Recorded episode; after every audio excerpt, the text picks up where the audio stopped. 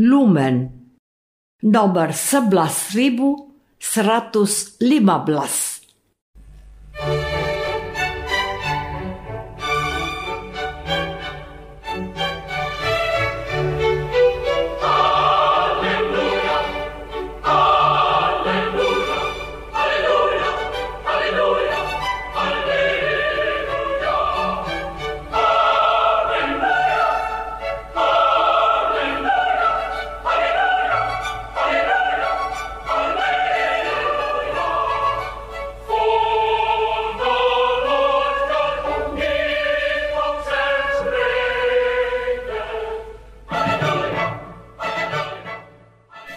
Saudara pendengar di segenap penjuru tanah air, selamat bergabung dengan Lumen Indonesia. Lumen Indonesia siap melayani Anda setiap hari. Saudara terkasih, marilah kita bersatu dalam Tuhan kita Yesus Kristus yang tidak berubah dahulu, sekarang, dan selama-lamanya. Allah Sang Maha Rahim mengasihi dan menerima sebagaimana adanya kita Allah Bapa kita di surga senantiasa bersedia menolong, menghibur, dan meneguhkan kita dalam menghadapi segala permasalahan hidup sehari-hari.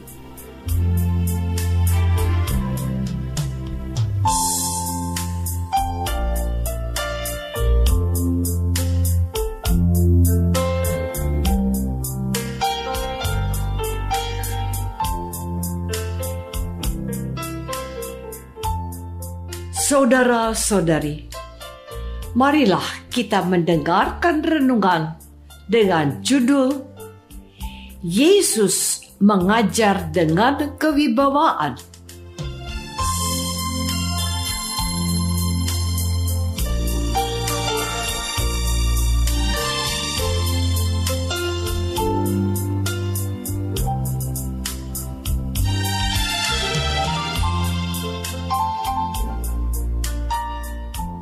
Yang berdasarkan pada Injil Markus bab 1 ayat 21 dan 22.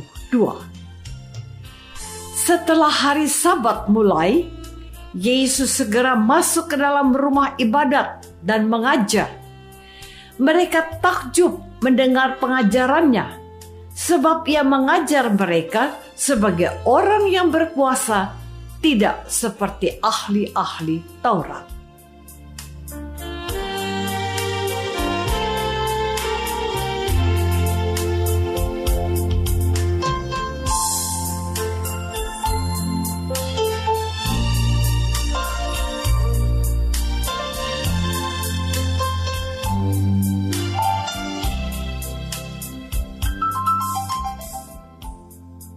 Dalam nama Bapa dan Putra dan Roh Kudus. Amin. Saudara-saudari terkasih dalam nama Tuhan Yesus Kristus.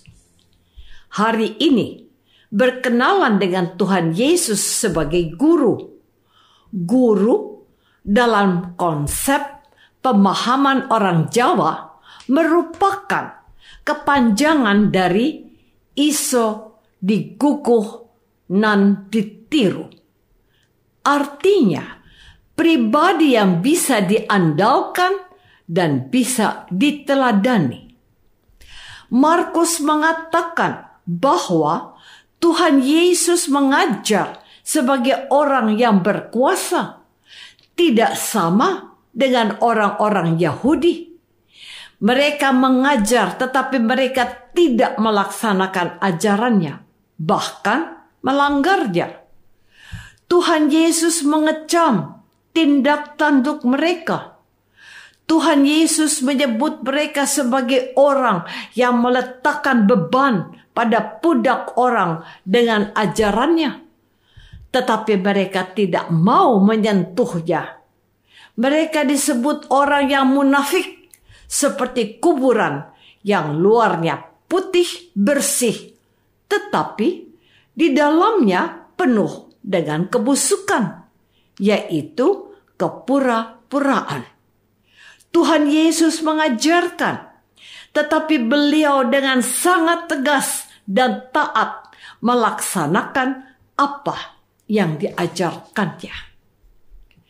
Saudara-saudari terkasih, hari ini kuasa mengajar Tuhan Yesus ditampakkan dengan memerintahkan roh-roh jahat yang mengetahui kehadirannya sebagai utusan Allah yang kudus dari Allah.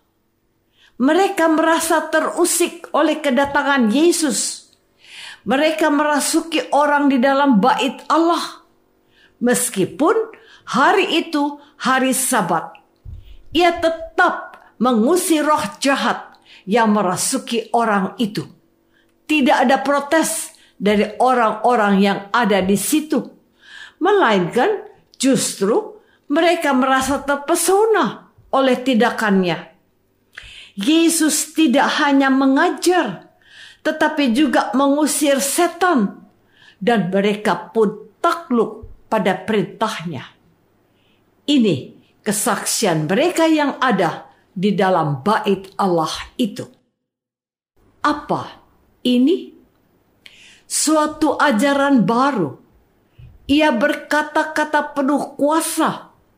Roh-roh jahat pun diperintahnya dan mereka taat kepadanya. Tuhan Yesus tidak hanya mengajar sebagai seorang guru, tetapi Dia adalah Allah yang berkuasa juga atas kuasa-kuasa roh-roh jahat yang merasuki seseorang di dalam bait suci. Berita tentang hal itu tersebar dengan cepat ke segala penjuru di seluruh Galilea. Inilah untuk pertama kalinya Tuhan Yesus tampil di hadapan umum sebagai seorang nabi dan guru. Dan ia menyatakan dirinya sebagai Allah yang mengunjungi umatnya Israel. Saudara-saudari terkasih, Markus, penulis tertua dari keempat Injil yang kita terima dari gereja, ia mendidik kita untuk percaya kepada Yesus, Anak Allah. Markus menuliskan Injilnya dengan sangat sederhana mudah dicerna, dan menggunakan bahasa yang sangat manusiawi dan sehari-hari. Maka saya termasuk orang yang menyarankan kepada semua orang beriman, jikalau mau membaca Alkitab, mulailah dengan membaca Injil-Injil Tuhan. Dimulai dengan Injil Markus Markus menunjukkan kepada kita sosok guru Yesus yang sangat memahami para pendengarnya. Bahasa yang digunakannya mudah dipahami. Tuhan Yesus tidak mengajarkan sesuatu yang teoritis dan sukar dipahami. Ia menyatakan dirinya sebagai pribadi yang sangat manusiawi. Markus menunjukkan kepada kita Tuhan Yesus yang mengajar dalam tindakan nyata. Ia mengajar tentang kepedulian kepada mereka yang membutuhkannya, dan ia tidak menunda-nunda menyatakannya. Perhatikan ini. Orang membawa orang tuli itu kepadanya, lalu Yesus memisahkan dia dari orang banyak. Ia memasukkan jarinya ke telinga orang itu dan berfirman, Efata.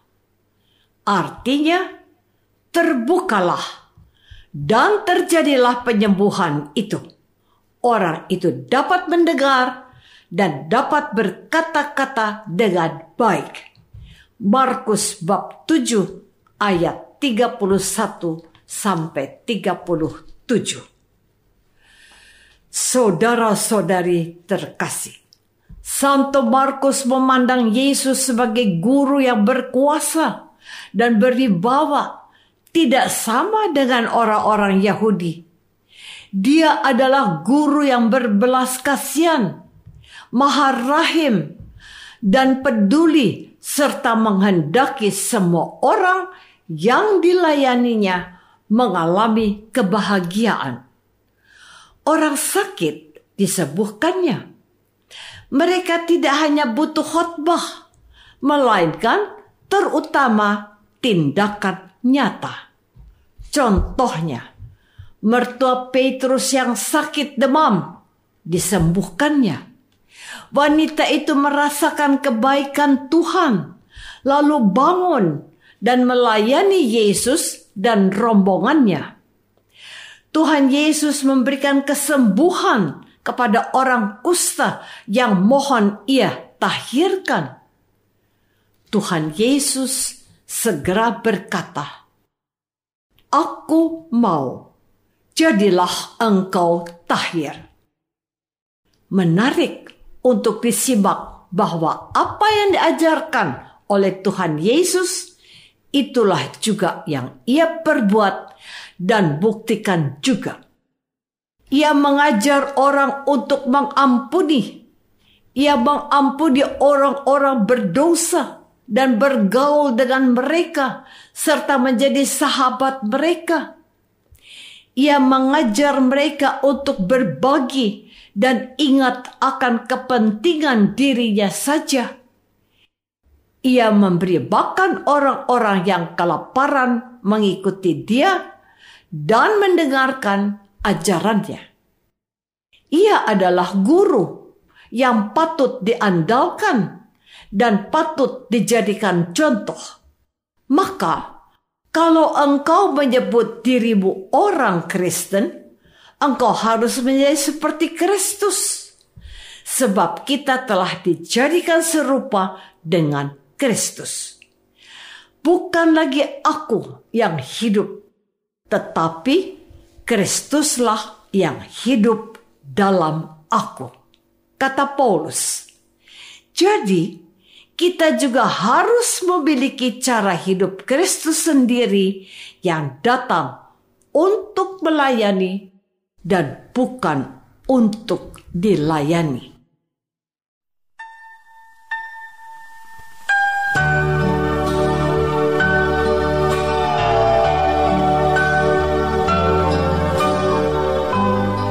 Saudara terkasih, marilah kita masuk dalam saat hening sejenak untuk meresapkan renungan yang baru saja kita dengar bersama dalam kehidupan iman kita masing-masing.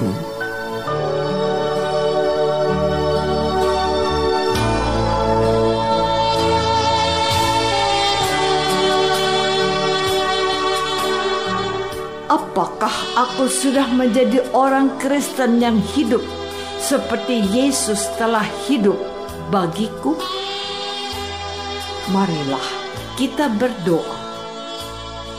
Bapa yang Maha Baik, terima kasih telah memperkenalkan Yesus sebagai guru yang baik bagi kami.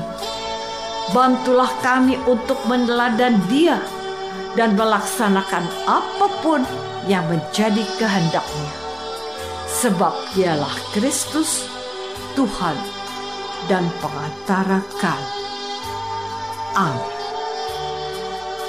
Semoga kita semua selalu dinaungi dan dibimbing oleh berkat Allah yang Maha Kuasa, Bapa dan Putra dan Roh Kudus.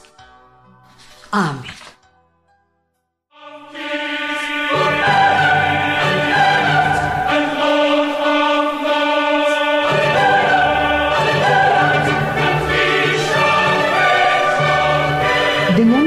Kasih dan sukacita, Lumen Indonesia mengundang saudara-saudara seiman di segenap penjuru tanah air.